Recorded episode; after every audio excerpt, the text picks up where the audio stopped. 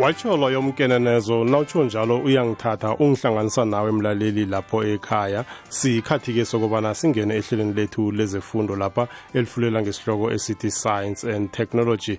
Leli-ke kulihlelo elihlala lingena njalo lokhana kungelesithathu ebusuku.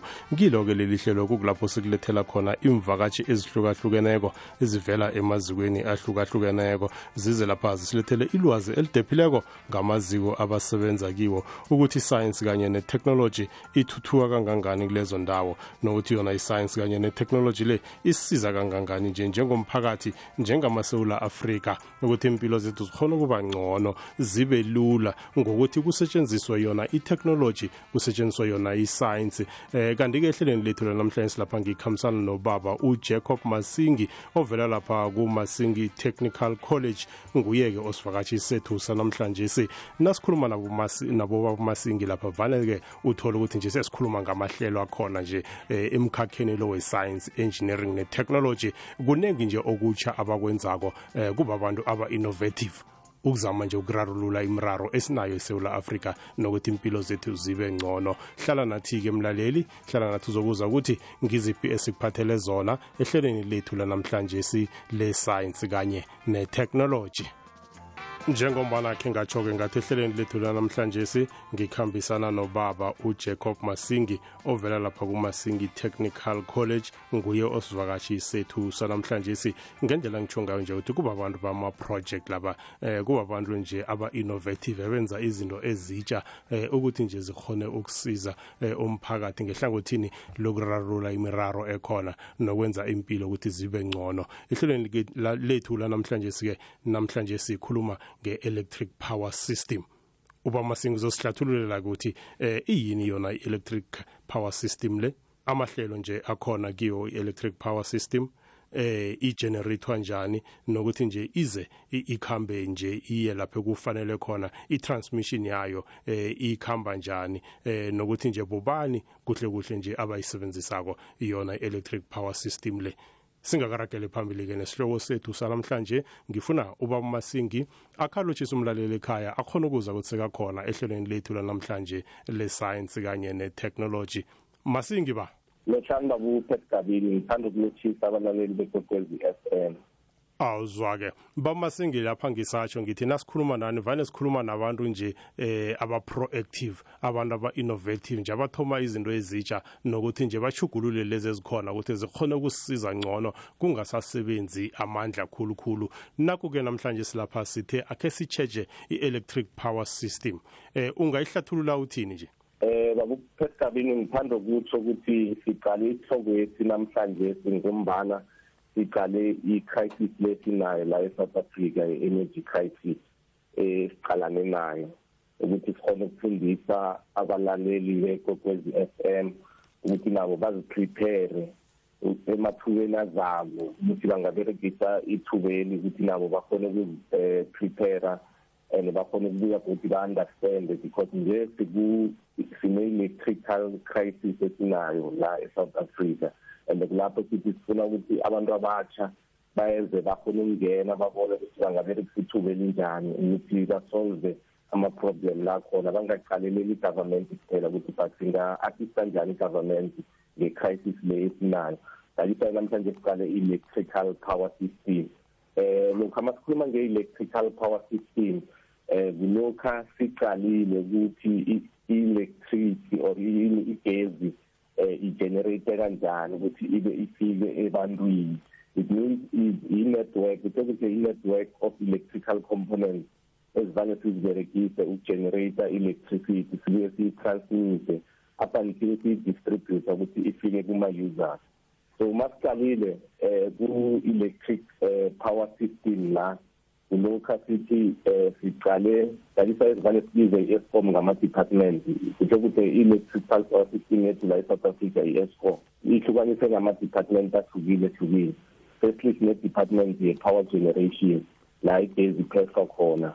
Then sibuye sibe ne-transmission i-transmission kula sithatha igezi siyisa kuma-substation from kuma-substation siyisa kuma-distribution la sidistribute igezi ukuthi up until ifike kuma-users ama-users nama-industrial users nama-household users. Then vane sithi eh it's very very important ukuthi understand ukuthi igezi leyenziwa kanjani ukuthi sokhona ukusebenzisa ama innovative ideas la singakhona ukubona ukuthi ngiziphi izinto esingaziletha ukuthi sikhone ukwenza ukuthi sikhelebhe ukuthi si-generate more power ukuthi abantu bakhone ukuthola igezi. Because masiqalile i-statistic esinaso abantu abaningi abanamagezi and i-population yethu iyakhula la sithi kufuneka khona ukuthi abantu sibafundise ngokuthi igezi iphethwa njani because nathi masibuya kodwa siqalile ku-agriculture siyabuya siyasafara in terms ukuthi iy'tshalo azifamile because into enye nenye manje iberekisa igezi. And at a certain time if akunagezi sokugcina sihloga ukudla nani nani. So masiqalile la ku-electric um power system ngakisa ngikhulumile ukuthi sinama-department ayi-four. I-department yokuthoma yi-power generation la siphetha khona igezi yesibili i-transmission yesithathu um i-distribution then igcina kuma-users then ngizochaza le ye-power generation le kancane so that ukuthi umlaleli afune uku-understanda ukuthi masikhuluma ngama-power generation vane sikhulume ngalo. Kokuthoma igezi eh siyiproducer ngendlela ezihlukileko esikhathini samanje vane siberegisa i-heat terminal energy eh ngiyo siyazi ngesikhathi esiningi because la siberegisa khona amalahla ama-petrol ama-gas um ukuthi sikhone ukuphepha igezi le ukuthi ikhone ukufika ebantwini. But at a certain time vane sitsho ukuthi that one is the most uh, expensive uh, power generation because ine-maintenance ngaphakathi. Ngaphakathi kwayo sisebenzisa into ezihlukileko kunama-generator kunama-electric motor kunani. Um izinto lezo uthola ukuthi ziyasi-assista ukuthi senze igezi ukuthi kunama-cabani idingiwa akhona ukucontrola into leyi-heat lemayenza trayisa ya-generator aconvecta i-mechanical to electrical sibe nama-generator aconvecte njalo njalo so but at of the day sifuna abantu ba-understand ukuthi indlela lezo singa-generata ngazo igezi ngiziphi naziphi then sibuye kodwa sibe ne-hydroelectric um power la sithi sisebenzisa amanzi ukuphesha igezi la sisebenzisa khona amanzi nakhona kunamathebani amanzi la ayamuva athena ithebhani ithebhani ibuya i-generate igezi then sibe ne-wind energy eh i-wind energy la sithi sisebenzisa umoya then nakhona ukuthi si-check-e ukuthi umoya khona ingakanani ukuthi sikhone ukugenerate into lezi then sibe ne-solar electric la siberekisa khona ama-p v cells ukuthi sikhone ukugenerate i-energy. Then sibe ne-chemical energy still nakhona siberekisa ama-battery amasele ezelo ukuthi sikhone ukubona ukuthi singakhona ukugenerate i-energy engakanani engakhona ukusebenza so it's very important ukuthi sazi ukuthi i-system le so that ukuthi masekukhuluma sazi ukuthi ngiziphi izinto esingazenza ukuthi sibe lula or nathi siparticipate kumathuba la azayo wokugenerate igesi so that ukuthi nathi singajameli i-government kuphela isigeneratele but nathi size namathuba esingawenza ukuthi sihelebhe abantu ukuthi bathole igesi then la ku-power generation la vane sithi sinama izinto esizibiza ukuthi um kuzoba nama-generator. Ama-generator um siyazi ukuthi i-generator i-convector i-mechanical to electrical. Then amathebani la namamoto esikhathini esiningi vana a-convect i-energy i-electrical energy to mechanical energy. But masifika lapho izoba i-convector i-mechanical energy to electrical energy. Then after lapho siba nento esizibiza ukuthi ma-transformer i-transformer ikabili sine-step down transformer sibe sibe ne-step up transformer so esikhathini esiningi uthola ukuthi maybe i-power egeneratiwe i-generator i-power uthola ukuthi maybe 11 for example 11 kV i-voltage yakhona. Then you need to step up iyise phezulu masi step up phezulu ku-transmission so that mayifika ku-transmission ifike iyiningi because kuzoba nama-voltage drop esikhathini esikhamba. Mayithoma ikhamba nge-transmission sizoba nento esiyibiza ukuthi ma-voltage drop or i-power drop la sizoba sibiza i-power khona so ngesikhathi esikhamba ngobuningi kulayeza ukuthi uma ifike ebantwini kuma-substation sizokuthola ama-step down uh, transformer. La sithi manje size kuma-substation sithola ama-step down transformer lawa azoba ithatha to ama-users. Then uma ifika kuma-users kula sithi sizoba si-check-a ukuthi isebenzisa yini khona because kuma-users ma-industrial ama-industrial asebenzisa i-preface babuye kodwa ama-industrial asebenzisa single phase but esikhathini esiningi single phase isebenzisa emakhaya. So kulapho sithi igezi igcina ebantwini bekhaya la sisebenzisa khona ama-three phase as well as lama-single phase. Mm, uyazi ngendlela oyihlathulula ngayo le kubonakala ukuthi nje mhlambe ezinye indlela ecadapha zikhona. Eh kodwana nje eh njengabahlali njengepublic nje umphakathi sibonakala nje kwangathi ithi sesaqala kakhulu ngehlangothini eh elilodweli. Kungakho nje ungathi sizwa ubuhlungu khulu nelingekho ngombana zonke insetshenziswa zethu sizicalise ngakulelo hlangothi lelo. Eh nekumele sithome into etsha eh kuba into ebudisi khulu lapha. Eh, ngombana uyazibala nje ukuthi kune wind kune solar kune chemical eh, ezingaqalwa khulu kangako. Eh, mhlambe nje ke nina njengama innovators nizibona ukuthi ezinye zingaba lisizo kangangani nokuthi nje nisuse i-mindset le ukuthi sikhona ukuzisebenzisa ezinyezi eh into efuneka kuba ukuthi esigabeni manje ukuthi kunento esibiza ukuthi yi-match making and opportunity identification. So kulapho sithi we need ukuthi manje sibize i-government as well as ama-private sectors akhona. Then at a certain time nama-innovators ama-grassroot innovator abantu labo sazi ukuthi sihlale sonke endaweni eyi-one. Then sibone ukuthi singamatcha njani ama-opportunities la nama-ideas because uthola ukuthi abantu abatsha banama-ideas but abanakuthi so the moment sibize i-private uh, institution because indaba le ye-energy crisis asikafanele ukuthi siyithathe only in terms ukuthi ngeye-government. But at a certain time we need to ukuthi sisebenze sonke as a-south african people ukuthi sifone ukufind this solution. So ngento esiyicabangileyo ngiyo leyo ukuthi how can we bring i-government ukuthi ize on board nama-private companies so that sihlale phasi then sishare ama-ideas ukuthi how can we work on this crisis ukuthi silethe i-change la ku-electric power system yethu so that at the end of the day umuntu omunye nomunye angakhona ukuthola igezi yakhe. Ngendlela soyihlathulule ngayo lapha nje sikhambile-ke sacheck-ako yona-ke eh, i-power generation le. Akhe sikhwele nje phezu kwe-transmission yayo-ke njenganje eh i-transmission. Maningaqala i-transmission ngesikhathi esiningi ngiyo leyo sithi i-transmission la sithi let's say for example i-power yethu from ku-generation angisho kuzoba nama-generator aconvecta i-mechanical energy into electrical energy. Uh-huh. Then the moment lapha izoba i-transformer i-transformer leyo izoba i-step up transformer. So i-step up transformer leyo for example nangithi maybe power esiyitholako it's 11 k volts then my 11 k volts you need to step it up. Maybe for example kube uma 138 k volts then must step to that power then kuzoba ne-transmission dalisa ku-transmission la la sithi ma-tower khona i-transmission it means it's only for ukutransport i-electrical energy. Lapha kunamsebenzi eminingi kuyasemetha ukuthi uzokukhetha ukuthi i-transformer esebenzisako ngihlobo uphi i-transformer then izokuhamba. Then at the certain time only ma-point kuphela azoba yenza then nama-power then ngiyothatha umlilo lo from ku-generation then uyisa kuma-substation. Mayifika kuma-substation then sizothola into ezifana nama-step down transform. It means i-transmission ihlanganise i-step up uh, transformer ne-step down transform. Then izokisa kuma-substation. Naselikhambile-ke nje njenganje seyima-substation bese kukulapho-ke nje ithoma i-distributor khona-ke. Eh kukuphi-ke lana seyidistributor eh la ku-distribution taliswa kunama-industrial distribution. Then kubuye kube ne sibuye sibe nama-household. And la muntu must understand ukuthi i-power ikabili kune-single phase power then kune-three phase power. Esikhathini esiningi ama-industrial siwanikeza i-three phase power because uthola ukuthi bakhonzima into eziningi. And at a certain time thina abantu sithola ama-single phase. Kanti uthola ukuthi ekhaya emizini eminingi uthola ukuthi sine-pole eyi-one isupply abantu abayi-three because lapha kuna-three line kune line one line two line three. Then phela ukuthi just into thina siyishare kuphela sishare i-neutral so i-neutral le masoma senza into leyo ezokunikeza i-single phase.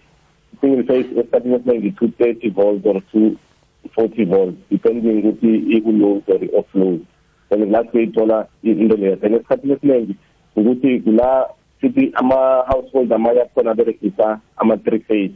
Because phela ukuthi esikhathini esiningi banezinto eziningi abaziberekisako ngaphakathi. Sicedile-ke nje lapha ku-distribution. Eh ngifuna nje ukuthi ikhe sijike ngentolo kodwa nesibuyako lapha eh sikhwele phezu kwama-users la-ke ukuthi nje lapho vane uthole ukuthi seyiya kubani eh ikhamba njani akhe sijike ngentolo. Ulalele ikwekwezi fm kukhanya ba usalelele ihlelo lethu le-science kanye ne-technology lapha kukwekwezi FM lapho ngikhambisana khona nobaba uJacob Masingi okunguye osivakashi sethu sanamhlanje la sicheje khona eh, nasi nje isihloko sihlathulula ukuthi isihloko sesize ngebanga lokuthi eh bacheje imiraro esinayo eh, ama challenges esiqalene nawo khulukhulu ngehlangothini legezi eh kodwa nje sekasinikela imihlobo ehlukeneko yegezi engasetshenziswa nokuthi nje mhlambe engakhona eh ukuthi nje isize eh la thola ukuthi mhlambe eh sesithoma ukuhlayelelwa khona kakhulu eh khuyini okunye singakwenzako khulukhulu ngehlangothini labantu abatsha nje ukuthi beze nembono emisha nje eh ngesikhuwa bayibiza nje ukuthi innovation ekhona ukuthi nje khona ukusiza kile imraro nanya nama challenges esicalene nawo njengomphakathi. Baba masingi asiragele phambili ke akhe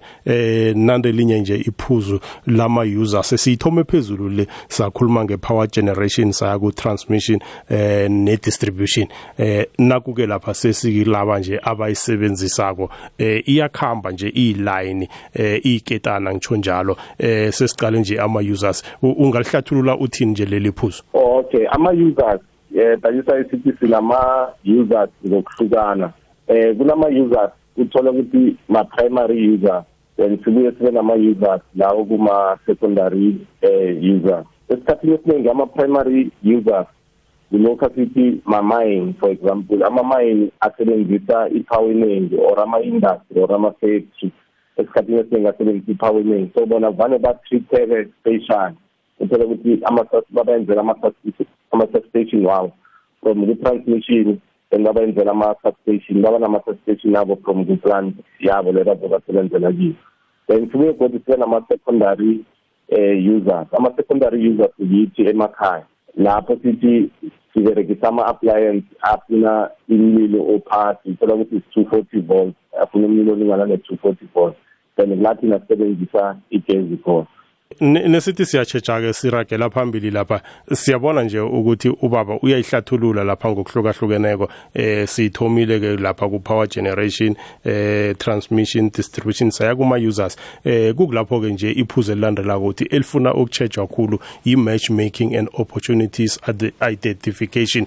Eh asicale i-matchmaking le eh nikhulumisa ngehlangothini eh labo engineering. Yini matchmaking le eh ngelimi elula nje ukuthi sikhona ukuyizwisisa ukuthi sesikhamba ngilapha ngileli iphuzu lelevane balikhulume kanengi eh baliqalelele ku matchmaking eh i-matchmaking ngingayichaza ngokuthi eh kulokho sithi eh for example eh njengoba sithi sine energy crisis sinenkinga zegezi. So masinenkinga zegezi then uthola ukuthi eh for example maybe sithi escom escom ingeza ebantwini siyothi okay thina la escom sinenkinga lana lana lana la then uthola ukuthi mayenza njalo ithothi icreate amathuba for abantu ukuthi okay.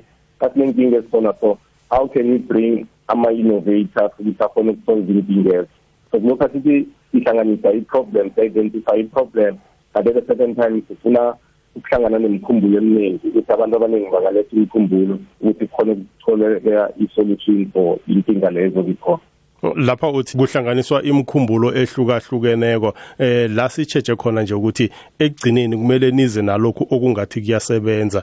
Eh mhlambe ke nje kuyathola ukuthi nje nikhamba nibamba nje eh ama ama eh ama workshops angisho njalo eh ukuthi nikhulumisane ngemraro esikhamba sicalana nayo le. Eh nikhuluma lapha nge-energy crisis hackathon kukulapho nje mhlambe ni discussa khona izinto ezifana nalezi akuthi nje kancazana ngakulelo hlangothi ngitho ukuthi before senza i-energy eh crisis kulasithi senza i-match making so i-match making le means sizabe sa-identify ama-stakeholders ngokuhlukahlukana ukuthi ama-stakeholders la eze azokusupporta ama-innovators akhona la e-south africa ukuthi bakhone ukuza nemraro khona so at a certain time masiqeda ukuthola ama-stakeholders ngokuhlukahlukana from ku-private ne-government then that's where we organize something efana ne-energy crisis uh, hackathon. So la sizoba senzani manje sithatha ama-innovators lawa. Manje sebazi ukuthi ngimaphi ziziphi inkinga ezikhona kuma-industry and ngimaphi ama-industry angaphi thina we can support this singakhona ukusupporta lokhu. Then at a certain time they are going to work on the idea bazi ukuthi ama-stakeholders wabo bobani nabobani so that in that case we'll be knowing ukuthi sobasenza njani so i-hackathon le most esikhathini esiningi ithatha 24 hours. Kulapho abantu abama-grassroot innovators or abanemkhumbulo right or abanama-solution ukuthi bangayenza. So this year sicalile ukuthi la e-south africa sinenkinga ye-energy crisis. So kula sithi sifuna ukubona ukuthi ngibapha abantu abatsha labo abanemkhumbulo ukuthi kukhona ukuze ama-private companies la ukuthi bakhona uku-investa kuma kumkhumbulo leyo abantu abatsha. Ukuthi sikhona ukusolve inkinga esinazo la ku-electricity so that abantu bakhona ukuthola igesi because at the end of the day abantu mabangatholi igesi abantu baluze imisebenzi. So kula sithi we need to take this thing nathi la emakhaya very serious so that sikhona ukwazi ukuthi singa-create amathuba njani ukuthi abantu bakhone ukuba nabo ba-participate with uh, crisis lesinayo so that sikhona ukuthola isombululo esi-right ukuthi singa abantu abaningi sebaluze imisebenzi uthola ukuthi ukudla kusekho because of this crisis. So nathi as ama-innovators we need to participate and see. So energy crisis hackathon it will be opportunity ukuthi silethe abantu abatsha labo sazile ukuba nemikhumbulo nama-stakeholders laba zokuthi investa emkhumbulweni leyo. Mhm. Uyazi ngendlela ehlathulula ngawo nje uyatsho la ukuthi kukulapho kuba nemkhumbulo ehlukahlukene kokhona. Eh kodwana iphuzo eliba khona lapha ukuthi abantu abatsha nje uyabona ngendlela ehlathulula ngawo ukuthi bayakhona bahlangane eh bese beze nama ideas. Into ekulu nje kuba ukuthi eh bakhone ukuthola isekelo eh ukhulumisa ama private companies lapha kanti ngakelinye ihlangothi godi sithola ukuthi eh kunama government eh parastatals la thola ukuthi baqalelene nezinto ezinjengale lezo. Ingabe kuyenzeka nje ukuthi mhlambe ama companies la nama parastatals wakahulumende eh kube ne center la uthola ukuthi ama innovative ideas la nakavelako kuba nalapho apitchwa khona eh kukhona ukuthi nje athathwe on board? Eh sikhuluma njalo kule RIPS ebuya from the Department of Science and Innovation. So i-RIPS le bayifune implementa to almost nine province nathi la e-Dr. Jeff Moroka eMpumalanga ikhona izilling on the innovation networking platform. I-platform le ngiyo uthola ukuthi esikhathini esiningi iletha abantu abatsha ukuthi bazokuhlangana bayenze into leyo. Elimpopo nakhona ikhona i-blowback regional innovation networking platform. So automatically ama ama ama ne-government agencies they are trying to do this thing. Because remember now they want to introduce into sibiza ukuthi district uh, development module maybe district development model istate ukuthi we need to stop ukusebenza ngama-silos. But we need ukuthi si-collaborate to every solution esoba siyenza ukuthi sisebenzisane ukuthi sikhone ukusolva iy'nkinga ezinazo. So la ku-district ukuthi thola ukuthi district model ne-state thola ukuthi we want to abantu sinezinto ezi-one sifuna ukusolva one problem. But omunye ujamele omunye ujamele omunye ujamele. So thola ukuthi sayisa imali lethu and asikhone ukuthola isombululo esi-right. So i-RIPS leyenze this model ukuthi we need to bring all the stakeholders from private companies as well as government agencies and other stakeholders la ngakhona ukuthi size together sikhona ukubona ukuthi how can we do this thing ukuthi khona ukusebenza at the end of the day so i think that is one of the programs government eyilethileko ukuthi innovation nayo need to be supported. And especially le le iqale kuma-rural community schools la sazi ukuthi abantu abaningi abana-internet access abakhona ukuparticipate because uma-innovation because abanama-infrastructure abana-net ukuthi ngingabahelebha ukuthi nabo ama-innovative ideas wabasupportive so that's where i-initiated this thing so that la emakhaya nakhona kube na-space abantu bangeza khona baletha ama-innovation abo asupportive up until to the commercial stage Mhm ngendlela ehlathulula ngayo nje ukuthi kuba khona nje ama centers eh othola ukuthi sekaba khona nje ukusiza eh ukuthi kukhone ukuvela eh, eh ama ideas nanyana imibono emitsha le khulukhulu ngehlangothini lokuthi nje kukhona ukurarulula umraro esicaleni nawo lo. Mhlambe ke nje nothi ucalile ukuhamba nje kwesikhathi ubona ukuthi nje mhlambe these centers irole abazoyidlala nokuthi eh bakhona nje ukusiza ekutheni eh kuphunguke eh umraro sicalene nawo le. Eh uyibona njani? No bazokudlala indima enkulu because in fact that's where we are preparing them manje begodwa balonthela distinct ukuthi i-IP intellectual property because what we need now kwenza ukuthi phela ukuthi ama-grassroot innovators anama-ideas but ama-ideas wabo akana-IP so that is the first process engibonako ukuthi the moment sikhona ukuprotect ama-ideas wabo so that azokhona ukuthola more investors even international investors nani nani so i believe ukuthi as such ama-centers azokhona ukwenza not only kwenza lokhu kuphela but azokhona ukucreate amathuba omningi omsebenzi because the moment i-producer maybe one innovator and a ingakhona ukucreate two or three job opportunities. So in that way sizobasazi ukuthi we are not only solving inkinga esinazo but at the same time we are supporting with this uh, high rate of unemployment. So kulathi zoba siqalile ukuthi there are many things esingayenzeka because i-innovation yiyo kuhle kuhle engabuilda i-economy yethu because now even izinto eziningi zitshentshile and at the second time nathi sifuna ukuthi sikhambisane ngesikhathi so thola ukuthi esikhathini esiningi la emakhaya thina sifanelene because into eziningi zenzeka ku-gauteng and maziza kithi nathi la only sibama-user but asibi part of ama-policy implementation. Asibi part yokuthi sibe ma-idea implementation. So nathi sifuna ukudlala indima leyo senze sure ukuthi abantu abasemakhaya la nabo baba ama-beneficiary ukuthi babe yi-part of ama-economical uh, solution wala e-south africa. Ukuthi nathi silethe imkhumbulo yethu ikhona ukubereka siyibone ibereka Oho bamasinginasi isikhathi ke nje mhlambe eh naso sesiyasiphelela. Eh asisonke nje amaphuzu aqhakathekileyo ngesihloko sethu sanamhlanje se uba masinga ngathini mina ngingathanda ukuthi eh abantu basemakhaya nabo bathatha ithubeli le esinalo le crisis le ukuthi bayiberegise. Bafunde babone ukuthi yini izinto abangazenza especially manje bathathe serious indaba yama-renewable energy. Ukuthi nabo bazibone baba i-part yama-renewable energy because automatically i-government is going to implement that. So nathi sifuna ukubona sidlala indima kuma-solution la khona esouth singabi only ma-users kuphela but sifuna i-government ibabize beze bazokusupport ama-innovation akhona la i-rural um government. So mina ngitsho abantu abasha nabantu abadala laba nama-ideas ama-researchers abantu abafundako let's this i-opportunity le sikhona ukubona ukuthi singayiberekisa njani ukuthuthukisa inarha zasemakhaya. Oho kuba masingije mhlambe kuma social media lapha abafuna ukwenza ilandrelela eh kukhona labanganithinda khona? Sikhona kuvula ingqondo innovation networking platform imasingi technical college then bangabuya futhi bangadisita sikhona emaphotla eh i-office lethu lisemaphotla then bangabuya futhi bangafonela ku-zero six zero nine five six zero five five two. Then inomboro ye-ofisi is zero six seven zero one four five seven two seven. Uhum sithokoze bamasingiyo isikhathi sakho nje nelwazi eh olabelene nomlaleli wekwekwezi FM ngithokoza kakhulu bafethu aha.